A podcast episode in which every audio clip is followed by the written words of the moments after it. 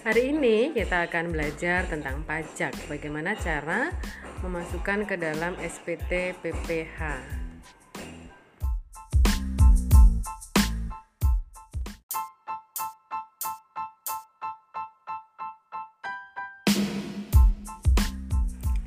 Teman-teman guru produktif akuntansi, mari kita siapkan video pembelajaran kita untuk dimasukkan ke rumah belajar BPK Penabur.